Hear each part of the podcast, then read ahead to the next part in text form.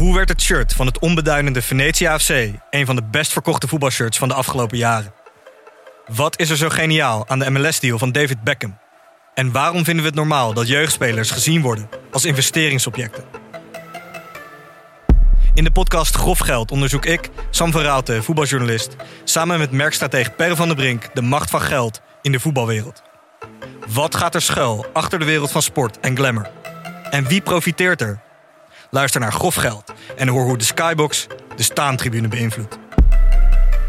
Dit programma wordt mede mogelijk gemaakt door Toto.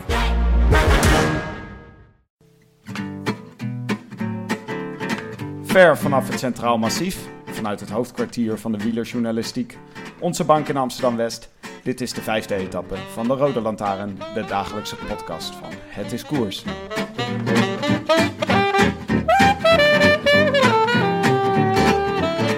Vandaag was de vijfde etappe van de Tour de France 2016. Wij praten u elke dag bij. Mijn naam is Tim de Gier. Tegenover mij hier zit Willem Dudok. Willem, de bergen zijn begonnen. We zitten in het Centraal Massief. Althans, niet wij, maar de renners zitten in het Centraal Massief. Ja, Tim, eindelijk. Er gebeurde weer eens wat. Er was een kopgroep vol indrukwekkende namen met een Maika, een Pauwels, maar zonder Nederlanders. En die reed weg, maar ze wonnen allemaal niet, want er was één Dekselse Belg die besloot tot het eerste grote nummer van deze Tour. Valhoompjes af vandaag, Tim, voor Greg van Avermaat. Zes minuten ongeveer, marge heeft hij. Sagan in geen velden of wegen nog. Van Avermaat gaat binnenkomen. Dit is er eentje om te bewaren, om in te lijsten.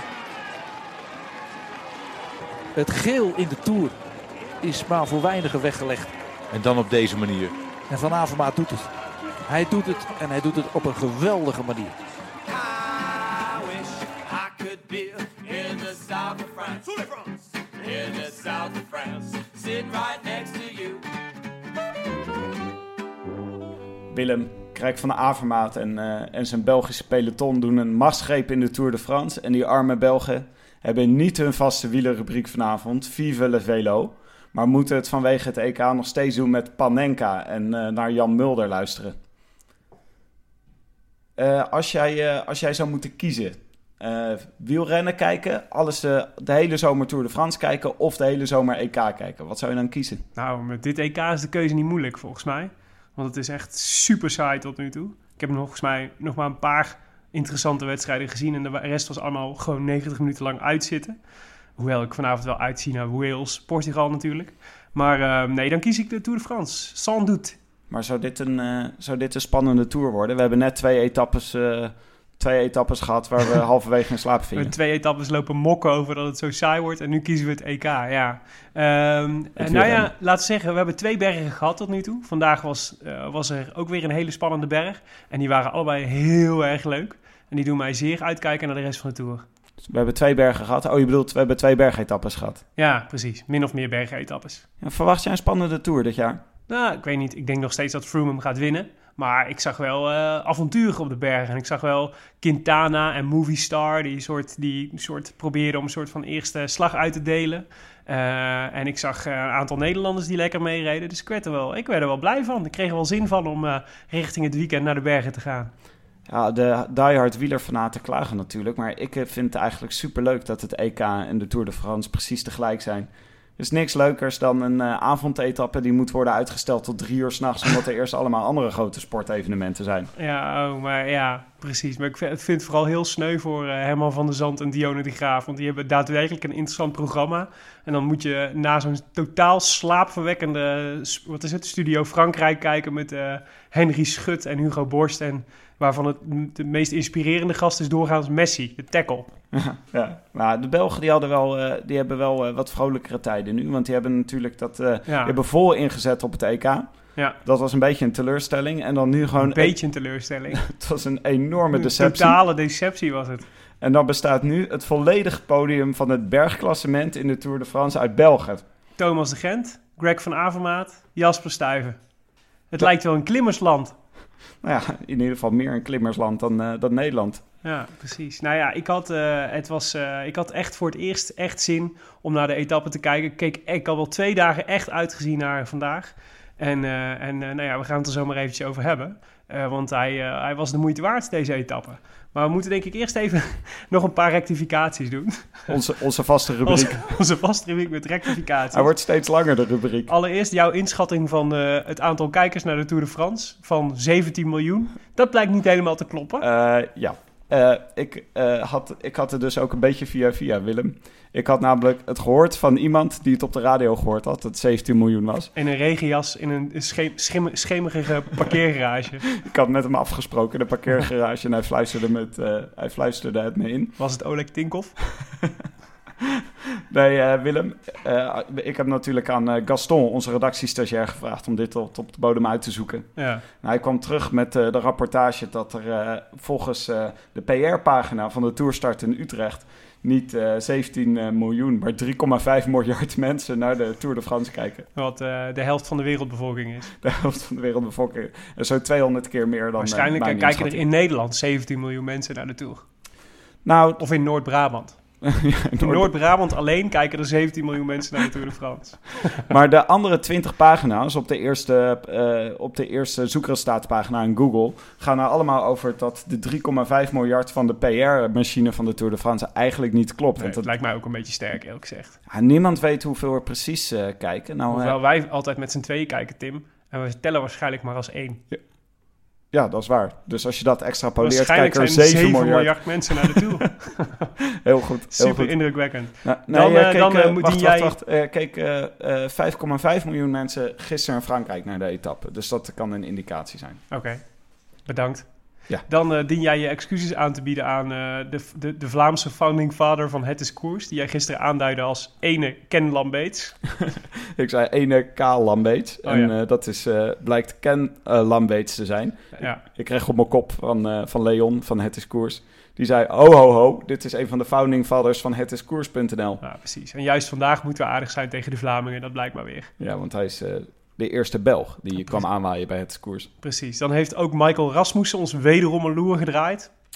Ja, want eh, ik zei eh, dat de aankomst eh, bergop was gisteren. Dat kwam omdat Michael Rasmussen twitterde dat, de laatste, dat de beklimming naar de finish veel zwaarder was dan in het tourprogramma stond. En daardoor werd ik op het verkeerde been gezet. Dat was dus niet. En jij Willem, heb jij nog wat? Zeker. Ik heb gisteren abusievelijk kokaar van Brian met COCQ geschreven. En dat klopt niet. In tegenstelling tot de kok van Appie Baantje, die met COCK is, is Brian Kokaar zonder de tweede C. Dus COQ. Waarvoor eh, eh, oprechte excuses. Brian, het spijt me. We gaan wel lekker. Straks eh, kunnen we gewoon zo'n vlakke etappe gewoon helemaal vullen met rectificatie. ja, precies. Misschien moeten we gewoon een thema-uitzending maken die alleen maar over de fouten gaan. Ja, het was eh, nogthans een heerlijke etappe vandaag, vond ik. ja, Bergjes, boompjes, prachtig gebied. Nou, het was echt heel erg mooi. En eh, het, was ook een, eh, het was ook een geweldige rit. Dus laten we snel naar de koers gaan. Hebben we er een natje bij, Willem? We hebben er een heel lekker natje bij. Een driedubbele Westmalle, stel ik voor. Op Greg en zijn, eh, en zijn fraaie nummer. Trek hem maar open. Oké, een bergetappe. Willem, wat, wat voor soort etappe hadden we precies vandaag om even ons eh, geheugen te verfrissen? Nou ja, een, eh, een eh, etappe door het Centraal Massief. Dat een beetje, eh, dat, waarvoor het woord glooiend is uitgevonden. Meer sterkere en minder sterkere bergjes. Met, en denk ik dat de, de, de, de kracht van de etappe het beste uit te drukken is de, de, eh, in eh, de kopgroep die ontstond. Kopgroep van negen man. En als ik de namen noem, dan zul je merken hoe serieus deze etappe al genomen kan worden. Maar het is eh, en bij dit soort bergetappes over het algemeen vaak zo dat er snel een kopgroep ontstaat die het Ja. hopen tot het einde vol te houden. Precies, en doorgaans lukt dat niet. En of dat nu wel lukt, dat, dat hoor je later. Maar de kopgroep, de namen uit de kopgroep zal ik meteen even allemaal geven, want dat is toch echt wel relevant. Krek van Avermaat, Serge Pauwels, Sikaar, Gauthier, Grifko, Huzarski, Vachon, Thomas de Gent en Rafael Maika. En daar haal ik even twee namen in het bijzonder uit. Want Maika is eh, eh, gewoon een eh, hele, hele goede renner. Uit het team van Oleg Tinkoff. Werd vorig jaar vijfde... Werd, nee, dit jaar vijfde... Vorig jaar eh, vijfde in de Giro en derde in de Vuelta, volgens mij. Ehm Pauwels, eh, Serge Pauwels werd vorig jaar dertiende in de Tour de France. Dus dat zijn geen ongevaarlijke kla- klanten, ook niet voor het eh, klassement. Maar nochtans mocht de voorsprong oplopen tot boven het kwartier. Dat vond ik echt, echt interessant. Mocht je afvragen, Tim, hoe lang duurt een kwartier? dat is ongeveer even lang als de rust van Wales Portugal vanavond. Ah, dat was, dat was echt heel erg veel. En het is toch een beetje, vind ik, aan de ploeg van de gele trui... om eh, het tempo te bepalen... en te bepalen wanneer die groep dan weer wordt ingehaald. Dus het was voor eh Tinkoff en eh, Sagan... die, die moesten het doen eigenlijk. En die deden gewoon Nee, eigenlijk maar niet die hadden. Maika vooraan, dus waarom zouden ze? Ja, maar Maaike deed niet echt mee hoor. Die reed een beetje voor spek en bonen mee. Hij had kennelijk toch niet zulke goede benen, want hij moest er ook vrij snel weer af natuurlijk aan het einde. Ja. En, maar goed, de- dus wat gebeurde er? Eén voor één gingen de, gingen, gingen de, vielen de rijpe appelen van de boom. En uiteindelijk bleven er drie eh, renners eh, voorop. Eh, Greg van Avermaat, Thomas de Gent en Grifko. De, echt een klassieke Rus. Nee, Oekraïner, die volgens, volgens. Astana. Hè? Voor de rijder van Astana. Ja, precies. Die, die volgens eh, Maarten Ducro beter was gaan rijden sinds het oorlog was in zijn land.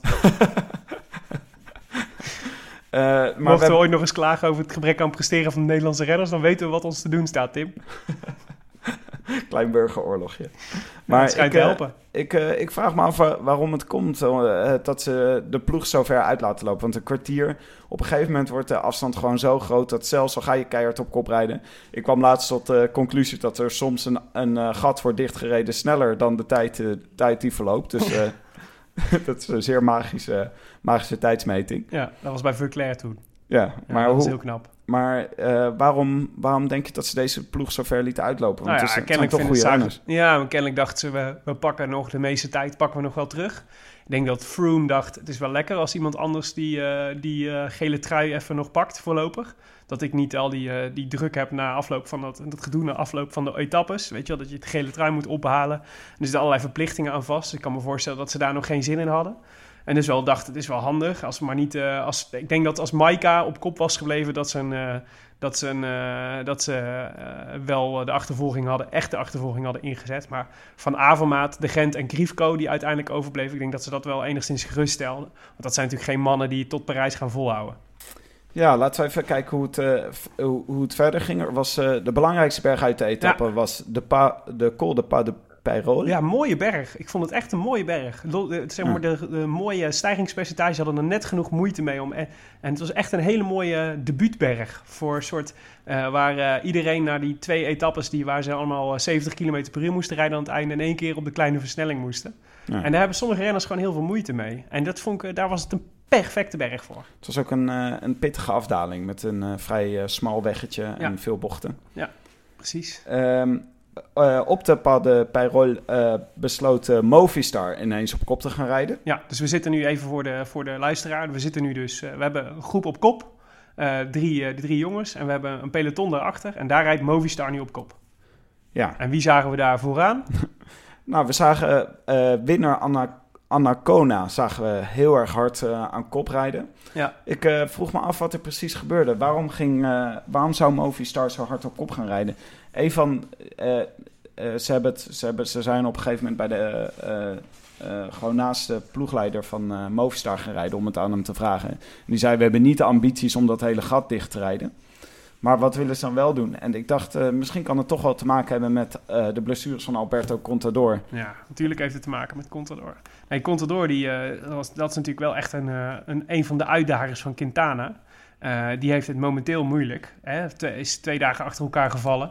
Eh, dus gisteren moest gisteren. eh, nee, ja, gisteren heeft hij wel gewoon, is hij wel gewoon normaal gefinished. Maar had het wel moeilijk nog steeds. En, eh, en ja, als je hem eh, nu, nu, die, eh, nu die op zijn rug ligt, kun je hem, eh, kun je hem eh, wat tijd aansmeren natuurlijk. Ja, wat, Dus ik denk dat ze gewoon de koers voor hem heel hard wilden maken. Maar het knappe was, eigenlijk op die Pas de gaf hij nog geen krimp, hè, Contador. Het ging echt nog, eh, hij ging gewoon ogenschijnlijk redelijk makkelijk mee. ja, nou zat hij voor Contador wel vrij achter in de groep al, hoor, Ja. vond ik. En wat Ja, een beest die Anacona, zeg. Ja. Jongen, jongen, ze, ze gingen echt heel erg hard. Je zag ook eh, één voor één iedereen eraf, eraf waaien. En eh, we zijn in het Centraal Massief, dus het is nog, nog steeds niet echt de bergen. Maar ze veranderden dit gewoon echt in een loodzware bergetappe. Want alleen, eh, alleen de favorieten bleven over. Ja. Weet je waar winnaar Anacona, waar zijn voornaam vandaan komt, by the way? Nou, Willem, Het gaat noemen naar Peter Winnen. Prachtig. Mooi toch? Mooi, ja. Het is gewoon, in, eh, het is eh, gewoon daar diep in Zuid-Amerika werd, eh, was, waren zijn ouders fan van Peter Winnen en besloten hun zoon Winner te noemen, na Peter Winnen. En die gast werd later wielrenner en reed vandaag gewoon voorop in, de, in het peloton in de Tour. Dat vind ik toch mooi. Ja, ik wist het eigenlijk, Willem. Dat dacht ik wel, maar, Maar, ik test eh, je toch even. Maar je gunde mij je mom- een momentje. Nou, het was meer, iemand had het tegen mij gezegd en ik vertrouw niks meer wat mensen tegen mij zeggen. Voor je het weet zitten we weer een half uur, eh, zitten we weer een half uur eh, herstelwerkzaamheden te doen tijdens de podcast. Eh, een eh, leuk statistiekje is dat eh, de kopgroep hier op sommige stukjes 90,2 km per uur reed, wat echt heel langzaam is. Ja, Sagan die deed nog een poging om daar nog eh, verder onder te duiken. Die Ja, die reed was op een stukje 7,8 die was km echt per een soort wielertoerist aan het fietsen. Wat ik ook wel weer snapte, maar wel Als een beetje... toerist door Amsterdam wel een op. klein beetje afbreuk deed, vond ik aan zijn gele trui. Maar goed, we, we, we vergeven Peter natuurlijk alles. Hij deed niet zijn best, dat was het ook nee, totaal niet. Hij, was gewoon, hij zwaaide nog net niet naar de mensen langs het parcours. Ging nog net niet allemaal high fives uitdelen of blikjes bier opentrekken, zoals we op de Alpe d'Huez altijd doen. Ik zag hem wel een stukje, eh, allemaal mensen die langs de kant hem stonden toe te juichen, riep Sagan, Sagan gewoon vrolijk hallo terug. Wat wel Eh, erg gezellig Wat was. hou ik van Peter. Maar dus eh, Sagan die eh, vloog, dat was eigenlijk wel logisch dat hij er daar afvloog. Maar de opvallende naam was toch Nibali, die moest, moest lossen. Ja. Die, die hield het dus gewoon niet vol. Want die kwam hier toch ook wel... eh, nou ja, Aru was de kopman voor Astana. Maar ik vermoed toch niet dat ze hadden gedacht... dat Nibali er zo vroeg al, zo vroeg al af moest. Ik weet het nooit helemaal met Nibali. Het is toch wel, het is toch wel een gekke renner. Vandaag werd automatisch de conclusie getrokken dat hij zichzelf aan het sparen was voor de, voor de Olympische Spelen. Ja, Maar het lijkt me toch wel een beetje, als je drie weken de Tour gaat rijden, dat je bij de eerste berg ja. je eraf laat rijden omdat je aan het sparen bent voor de Olympische Spelen. Dat lijkt me toch ook niet echt een, eh, een eh, training. Nee. En sowieso de 40 renners ongeveer die er overbleven in die kopgroep. Dat zijn toch renners waar Nibali gewoon zonder moeite mee moet kunnen rijden. Ja, en het is ook, ik vind het ook een beetje een gekke theorie om je te, zo te sparen voor de Olympische Spelen. Want als je bijvoorbeeld nadenkt over eh, de Classico San Sebastian, die normaal gesproken, dat is de eerste klassieker na de Tour de France altijd. Als je kijkt wie daar goed zijn, wie daar altijd goed rijden, het zijn de jongens die uit de Tour komen. Want die hebben een soort van hardheid en eh, snelheid in de benen, die je niet hebt als je niet eh, vol, vol de Tour rijdt. Ja. Dus ik, ik, ik snap het ook niet zo goed, eerlijk gezegd. Volgens mij gaat er straks in Rio iemand winnen die, in de, die we in de Tour ook al heel goed vonden. Ja, ik denk, Nibali is in de Giro natuurlijk door Kruiswijk ook eh, voortdurend eraf gereden. Dus ik, ik denk eigenlijk Misschien is dat... hij gewoon niet zo goed. Deze, Ja, ja, ik het denk zou dat zijn benen gewoon niet zo sterk zijn. Nee, we zagen ook Dumoulin lossen. We zagen ook Poels lossen. Nou ja, eigenlijk niet zo heel gek. Dumoulin zei na afloop nog wel dat hij, eh, dat hij eigenlijk gewoon eh, slechte benen had. Want hij had, was, eigenlijk had hij toch wel deze etappe ook al een beetje omcirkeld, volgens mij, in zijn agenda. Ja, ik hoopte eigenlijk dat waar we op Ja. dat moment eh Greg van Avermaat zagen rijden. Ja, dat eh, Dumoulin had dat, gezeten. ja, dat dat Dumoulin Had was geweest. Want dat had, dat, had, dat had best gekund. Ze zijn een beetje hetzelfde, hetzelfde soort renners qua postuur en qua kracht. Ja, precies. Mm. En, eh, en eh, terug naar de kopgroep dan maar. Hè? Van Avermaat en eh, Thomas de Gent met Griefko. Nou, Griefko die wapperde eraf. Dus toen hadden we in één keer nog twee, twee Belgen vooraan in, in, de, in de eerste bergetappe. Ja, fascinerend. En waar het leek dat Thomas de Gent, vond ik tenminste, ik weet niet hoe jij dat zag, maar ik dacht Thomas de Gent die, die rijdt het beste. Die rijdt die, die, rijdt die berg het makkelijkst omhoog. Was het, eh, was het eh, onze vriend Greg van Avermaat die eh, er van tussen ging. ja, Thomas de Gent is toch meer de klimmer van de twee. Ja, Dus op de volgende berg, de Col de Pertus, rijdt Van Avermaat weg bij Thomas de Gent. Met nog 17 eh, kilometer te gaan. En dat was, dat was gewoon onverwacht, omdat Thomas de Gent had heel veel kopwerk gedaan. Ja. En zag er gewoon sterk uit. Telkens als hij op kop ging rijden, ging het groepje ook een stuk harder. ja, Dan, als, dan bijvoorbeeld wanneer Van Avermaat aan kop reed. Ja. Maar die versnelling was echt indrukwekkend. Het was gewoon alsof hij eh, de Amstel Gold Race aan het rijden was. ja, precies. Nee, dat vond ik ook. En terwijl toch, eh, het ging wel heel hard hè, achteruit. Zelfs met, eh, met eh, van- eh, als je ziet hoe, wat voor snelheid het peloton maakt en wat voor snelheid die eh, de, Van Avermaat en, eh, en eh, de Gent nog konden maken. Dat het verschil ging echt heel snel van 10 naar 6 minuten ongeveer. Ja. Ze hadden er echt binnen no time, eh, no time echt minuten afgereden. Eh, maar ja, nou ja, dat was toch, toch toen Van Avermaat ging, dacht ik, het, wordt nog, het zou nog wel eens knap lastig kunnen worden. Ja. Maar het werd vrij snel duidelijk dat hij toch, dat hij toch ging gewoon het, toen ging er nog een halve minuut af ongeveer. Ja, Maar die, dacht je dat was er nog, was dit een Vlaamse broedermoord waar we naar aan het kijken waren? nee, nee. Ik, eerlijk gezegd denk ik dat het juist eh, broederliefde was. Volgens mij hielpen ze elkaar heel erg. En ik vermoed dat ze het elkaar ook gunnen. En je ziet ook, ze hebben ook allebei een prijs aan het einde, toch? Dus eh, de, De bergtrui en de, de, gele bergtrui en, het gele, en de gele trui. En eh, ik denk dat de Gent ook wel door had dat hij, dat hij het in de, in de eindsprint sowieso wel af zou leggen tegen Greg. Dus dan had hij hem op een ander moment afge, af, moeten, af moeten rijden. Maar ik vermoed dat ze het lekker hebben samengespannen, eerlijk gezegd. Ik denk wel dat ze heel blij waren dat Griefko eraf vloog. Ja, Al vrij snel overigens. Ja, precies. Nou ja, en aan het einde, dus bij de laatste, op het laatste eh, eh, bergje, toen het toch nog een beetje werd aangezet, vloog toch nog eh, onverwacht Contador eraf. Ja, maar het, het ontplofte echt in de laatste klim. Het was niet Ja. eens de zwaarste klim. Maar toen, toen eigenlijk alle Movistars die waren al afgevlogen door Ja. hun eigen bulswerk. twee calls daarvoor.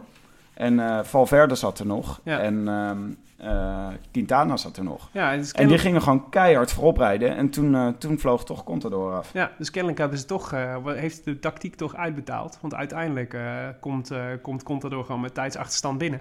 Dus Ja. dat is ja, de tactiek Maar geslaagd. dat zou me toch wat zijn, zeg. Ik zou echt... ik denk dat wij echt woedend zouden zijn als Mollema zo... als, als Mollema eraf wordt gereden door een Lotto Jumbo... Lotto Jumbo kopwerk. Ja. Dan zouden wij toch boos zijn. Maar in Spanje is, is dit... eh We hadden blijkbaar- toch ooit Ze twee hebben zoveel luxe. We hadden toch ooit in Nederland, eh, toen, toen, was ik nog, een- toen was ik nog een kind, hadden, hadden we toch twee ploegen die elkaar niet konden luchten of zien in, in Nederland? Kijkersvraag. Wel- Welke bedoel jij? Ja, Jo- Raas en Priem. En die, die ploegen die haten elkaar. En er bestaat zo, Ja. volgens mij zo'n beeld van dat, dat twee renners, volgens mij Frans Maas en nog iemand op kop liggen. Oh, ik weet het niet. Dit moeten we uitzoeken. Dit laten we Gaston uitzoeken hoe dit zit. Daar komen we morgen op terug. Gaston, kijk even in Willems eh, familiealbum Ja. om te zien welke herinnering hij hier Maar heeft. die Spanjaarden, dat is echt, zo'n, dat, dat is echt een bloedstrijd. Hè? Dus die, die, die, die haat, haat elkaar allemaal. En, eh, en eh, Valverde zit volgens mij niet bij, de, bij het populaire clubje. En, en eh, hoe moet ik Rodriguez hier zien? Want Contador vloog eraf. Ja. Toen eh, lieten Quintana en eh, Valverde zich eigenlijk weer een beetje terugzakken. En toen ging Rodriguez nog voorop rijden. Ja. ja, geen idee. Ik denk dat ze, dat ze allemaal dat ze elkaar vonden in hun haat tegen, tegen Alberto Contador.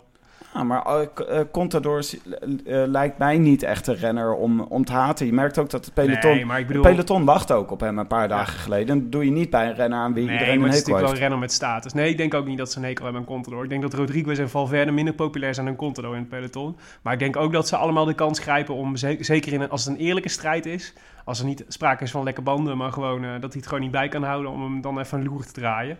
Het is gewoon uiteindelijk het is gewoon een concurrent voor het klassement. Valverde denkt ook nog steeds dat hij eh, als hij heeft wel gezegd dat hij Quintana ging helpen. Maar ik vermoed dat hij, eh, als hij... het, lijkt, het lijkt me niet de meest loyale knecht die er rondrijdt in het peloton, zeg maar. Dus als hij Quintana... als, hij, als hij één kansje ruikt, 1% kans heeft om de Tour te winnen... dan vermoed ik dat Valverde er zelf mee gaat lopen. In plaats van eh, Quintana nog te gaan helpen. Maar Valverde, ehm, ik, ik kan me nog herinneren dat Michael Bogert ooit een keer op tv zei... dat iedereen eigenlijk een beetje een hekel had aan Valverde in Ja. het peloton. Ja. Maar ik kan me ook een prachtig verhaal herinneren over hoe Valverde zijn trainingsrondjes elke dag eh, rijdt met het hele dorp. En dan mag iedereen inhaken en dat is een soort zoete inval. ja, dat is te gek, toch? Ja, dat past toch niet helemaal bij, eh, bij de hekel die ze dan aan Stel hem je aan voor, man, dat je gewoon elke dag mag gaan trainen met Valverde. Het lijkt me echt heel leuk om vrienden te zijn met Valverde. Nou ja, eh, ja, misschien niet. Dus En dan koffie drinken, appeltaart eten. in de Holy Sloot Ja. Valverde. Precies.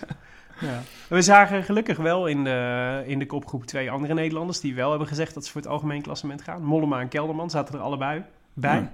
Dat was, eh, dat was eh, een eh, Nederlandse bromance, leek me. Ze reden ook vlak bij elkaar. Gewoon, ze bleven de hele tijd een beetje bij elkaar. Ja. Ze zagen er allebei vrij ontspannen uit. Ja, het ging wel redelijk goed, ja. ja. Dumoulin viel dus een beetje tegen. Maar ja, achteraf denk je misschien, denk ik, zal ik te denken... het is ook wel een beetje een blessing in disguise. Want hij heeft nu gewoon achterstand.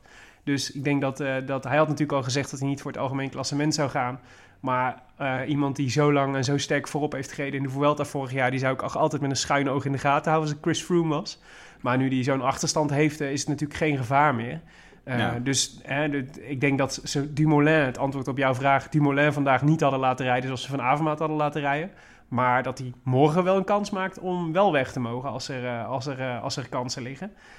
En, want hij ligt nu gewoon zo ver achter dat hij eigenlijk geen gevaar meer is voor het algemeen klassement. Nou Ja, ja, Dumoulin zei zelf achteraf daarover dat, hij, dat zijn benen al wel... Hij voelde al wel dat zijn benen slecht waren. En hij had stiekem wel ergens in zijn hoofd zitten. Nou, mocht het allemaal heel erg goed gaan... dan wil ik misschien best wel toch wel een klein beetje voor het algemeen klassement rijden. Ja. Maar zijn benen voelden niet goed. En toen dacht hij, nou, dan kan ik beter eh, het gat groter laten worden... zodat ze me een keer laten ja, wegrijden. Ja, precies. Dus eh, slim bekeken van, eh, van Dumoulin. Dus vandaag was het niet, maar hij heeft wel zijn kans vergroot dat hij in volgende etappes wel een keer weg mag rijden en voor de etappe-overwinning kan gaan.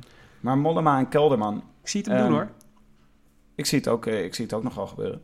Ehm, en de tijdritten natuurlijk. Mhm. En, eh, maar Mollema en Kelderman eh, hebben, komen denk ik een beetje hetzelfde uit deze etappe als nog 40 andere potentiële klassementsrenners. Die Ja. denken allemaal, nou dat viel best mee en mijn benen waren best goed. Want uiteindelijk als, je, als er dus een groep van 35, 40, tussen de 35 en de 40 man samen over de finish komt en ze denken allemaal dat het eigenlijk wel meevalt, dan is er misschien gewoon niet zo heel erg super hard gereden. Nee. Behalve dat stukje eh, door de Mo die, Ja, of van de Movistars. Of er zijn heel veel renners die op gelijkwaardig niveau zitten. Wat al heel veelbelovend is voor, voor de komende Tour. Nou, wat ik een beetje, wat ik niet veelbelovend vind voor de komende tour, en wat je vandaag al een beetje kon zien, was dat het heel erg leuk en spannend was. Totdat Team Sky voorop gaat rijden. De Sky Bot, Ja, de androids van Sky, die gewoon voorop gaan rijden en gewoon de koers op slot de gooien. robotjes. En die denken, nu zijn jullie, eh, nu zijn jullie uitgespeeld jongens. Even allemaal eh, achter ons rijden. Ja, het was wel interessant machtsvertoon. Ja, ze, ik denk dat ze de sterkste ploeg hebben. Dus dat ze dat ook inderdaad, dat ze de, de capaciteit hebben als ploeg om zo'n koers ook lam te leggen. Maar het zou jammer zijn als Froome alleen maar eh, een soort ging verdedigen en dan in de tijdrit een soort verschil ging maken. Ja. Maar dat denk ik eerlijk gezegd niet hoor. Volgens mij als het echt, als het echt stijl begint te worden. Ik denk dat we nog wel wat aanvallen van Froome, van, eh, van Froome gaan zien. Van Froome? Of, eh, oh, je bedoelt hij gaat niet verdedigend rijden? Nee, hij gaat, nee, niet alleen maar verdedigen. Nee, zou me in ieder geval onwijs tegenvallen als hij dat wel zou doen. Nou ja, het, het slechtste scenario is dus dat, er, eh, dat we aan de echte berg beginnen met een heleboel renners al op een beetje achterstand. En dat Froome dan één keer aanvalt en dat het dan consolideren wordt. Ja, En Ja, dat, dat kan zou- natuurlijk als je zo'n supersterke ploeg hebt. Ja, dat, zou, dat is waar. Maar goed, Quintana vond ik ook sterk vandaag. Dus die rijdt hij er echt niet zomaar af. Ik voorspel heroïsche gevechten tussen Quintana en Froome op de, op de flanken van de, van, de, van de Alpen en de Pyreneeën. Ik miste wel een beetje Wout Poels eigenlijk in het kopgroepje. Ja, volgens mij moest hij gewoon eh, sparen. Moest hij zich gewoon sparen voor, de, voor het moment dat, het echt, dat hij echt nodig is in het hooggebergte. En hadden ze nu gewoon genoeg andere mensen die het konden doen. Dus ik vermoed dat hij, eh, dat hij eh, lekker energie aan, het, energie aan tanken is. En denkt, alles wat ik nu niet verspil, dat kan ik morgen gebruiken. En terecht. Het is wel jammer voor ons, want wij vinden nog steeds dat hij voor het klassement zou moeten gaan. Maar ik las dat hij, dat, dat hij volgend jaar ergens kopman wil zijn. Dus wie weet hebben, we- hebben we dan mazzel. Van Avermaat komt, komt alleen aan, Ja. pakt het geel. Mhm. Renners eh, druppelen één voor één eh, achter hem eh, binnen. Nou ja, je krijgt die kopgroep en toen nog een groepje en toen nog een groepje. En de groep met favorieten zat op ongeveer vijf minuten van Van Avermaat. Met als gevolg het klassement van Avermaat vijf minuten voor op, op alle andere renners. Precies. Ale Philippe staat nu tweede en Valverde derde. Rodriguez vierde en Chris Froome vijfde. Nou, met een beetje mazzel redt hij dat tot de eerste echt- echte bergrit. En, eh, en eh, dan gaat hij natuurlijk meer dan vijf minuten verliezen. Want Van Avermaat is geen klimmer. Dat zag je vandaag ook wel. Ja. En, eh, maar het is mooi voor hem. Ik gun, het, ik gun het Greg Seer. De reservedoelman van SK Beveren. Voormalig. Voormalig, ja. of doet hij het nog steeds Nou, hij doet het erbij. Iedere zondag. Daarom, hij kan zondag ook niet fietsen. Dan moet hij, dan moet hij keepen. Nou, hij is blij dat, dat de Tour altijd in de zomerstop plaatsvindt. Ehm, denk je dat, eh, dat eh, Van Avermaat nog eh, een potentiële zoals Veuclair kan zijn? Weet je? Dat hij gewoon op Nee. pure woede nog een paar dagen langer in het geel rijdt. Nee, nee, nee. nee. Ja, oh ja, nee, de komende, ik weet, ik heb niet zo heel veel zicht op wat er, wat er morgen en overmorgen allemaal gaat komen. Volgens mij rijden we vrijdag de Pyreneeën binnen. Ja. Dus morgen een soort van overgangsetappe. Vrijdag is echt al flink eh, klimmen. Ja, precies. Nou, maar dus, dus, eh, dus met een beetje mazzel heeft hij hem tot, tot en met vrijdag. En daarna zal het, wel, zal het wel voorbij zijn, vermoed ik. Maar het is mooi voor Greg, hè? Dus ik, ik bedoel, ik ben de eerste om toe te geven dat ik vaak degene ben die, eh, die in de afgelopen jaren behoorlijk matige grapjes en makkelijke grapjes over, eh, over de, de hoeveelheid ereplaatsen die Greg bij elkaar heeft gereden heeft gemaakt. Want het was tot dusver was het altijd de man die altijd koerst en aantal, al- altijd aanvallend reed. En die vervolgens altijd terugvond op plek 2, 4, 5 of 6. Beetje een Nederlands elftal van de, van de coureurs. Ja, Krek van regelmaat noemden ze hem altijd. of de Vlaamse Poulidor, omdat hij ook, die ook nooit won. Is altijd goed en zelden winnen. En, maar hij heeft het, lijkt het, eh, hij heeft het ontdekt. Hoe je, moet, hoe je koersen kunt winnen en hoe je dat moet doen. En, en, eh, en, eh, en ja, dat is tof voor hem, toch? Ik vond het een prachtige overwinning vandaag. Ja, ik denk dat hij heeft vorige, vorige zomer een kind gekregen. Ik denk dat dat alles veranderd heeft in zijn leven. Net als bij jou, eh, Willem. ja, precies. Net als bij mij. Sindsdien ben ik toprenner. Stukje, stukje reflectie. Heel Ja. mooi. Maar het is te gek voor Greg. Echt, ik meen het. Hij is echt, echt een leuke, leuke gast. Altijd als je hem op interviews ziet, word ik er altijd vrolijk van. En ik was, hij heeft mijn hart gestolen toen hij een keer op Twitter zette... dat hij op weg naar de Driedaagse van de Pannen zijn rolkoffertje in de trein was vergeten... met de vraag of dat iemand, hem, iemand die voor hem kon gaan zoeken. En toen heb ik serieus 10 minuten overwogen om de, de- onmiddellijk de trein van Amsterdam naar de Pannen te pakken. Alleen maar om de kans te hebben om de rolkoffer van Greg van Avermaat terug te bezorgen. Er zit, staat natuurlijk zijn keepershandschoen in. Zijn keepershandschoenen en zijn fietsschoentjes. Je weet nooit wat je nodig hebt op zo'n dag. Nou, we gaan het zien hoe Greg van Avermaat het doet. Zal ik je nog één keer bijschenken, Willem? Dan kijken we nog even één keer vooruit. bij. Ja, hartstikke goed. We gaan, eh, morgen gaan we naar eh, eh, van Arpagon, nee, Arpajon, Sucer naar Montauban, richting de Pyreneeën, die vrijdag beginnen. Maar morgen al een paar bergjes, derde categorie, vierde categorie, derde categorie en dan een eh, vlakke finish. Wat denk jij, wordt dit een sprint? Eh, ja, dit wordt wel een sprint. Zo'n ik. lange uitloop. Ja, ja, ik denk dat dit wel een sprint wordt. En dan ehm, ga ik toch, eh, ga ik toch zeggen dat ik weer voor Sagan ga. Ja, want onder de hashtag eh Glazen Bol Cup Ja. eh, eh, roept Thijs Zonneveld altijd iedereen op om een winnaar voor de volgende etappe te voorspellen. Als je daar dan ook nog de hashtag Rode Lantaarn bij gebruikt, dan doe je mee met onze prijsvraag. Als je dan goed raadt, Ja. dan kiezen wij, kiezen wij één winnaar uit en die sturen we het boek Lucien op, de biografie van Lucien van Impe. De laatste toerwinnaar uit België. En eh, jij, wie, wie zijn nou? Sagan? Ik zei Sagan, ja. En, ja. en jij? Ehm, ik denk, ik vind dat zo onwaarschijnlijk. Dat na zo'n bergetapje, je bent bijna de sprinters weer helemaal vergeten. En morgen blijken ze alsnog eh, gewoon mee te, Te mee bestaan. te hebben ge- gereden. Ga je Groenewegen zeggen? Nee, ik ga absoluut niet Groenewegen zeggen. ik denk Marcel Kittel. Marcel Kittel. Ik denk dat, eh, dat de orde weer herstelt in het peloton en Marcel Kittel de beste sprinter blijkt. Oké. Nou ja, de, de Glazen Bol Cup van gisteren had, eh, had geen winnaar. Want eh, niemand eh, had Van Avermaat, eh, van Avermaat genoemd. Ons publiek blijkt toch beter te zijn eh, in, de, in, de, in de vlakke sprints. Dus we, morgen verwachten we weer eh, om een Lucien weg te kunnen geven. Dus hashtag Rode Lantaarn, hashtag eh, Glazen. En, en u maakt automatisch kans. Doe gezellig met ons mee. Doe gezellig met ons mee. Oké, Tim, volgens mij lopen we weer op ons einde, eerlijk gezegd. Dus dit was het weer, etappe 5 van de Rode Lantaarn, gepresenteerd en geproduceerd door Tim de Gier en mijzelf, Willem Dudok. Met grote dank aan hetiskoers.nl, de wielerblog van Nederland en Vlaanderen. En dank aan Johnny Wonder, communicatiebureau voor het digitale tijdperk, voor de ondersteuning. Eh, als je wil reageren op deze uitzending, heel graag. Dat doen steeds meer mensen en dat vinden we hartstikke leuk. Eh, eh, via Twitter zijn we te bereiken op Willem Dudok en de, Tim de Gier. Wat we ook heel tof vinden, en misschien nog wel veel toffer, is als mensen reacties achterlaten in de iTunes Store. Dus als ze zich abonneren op onze podcast.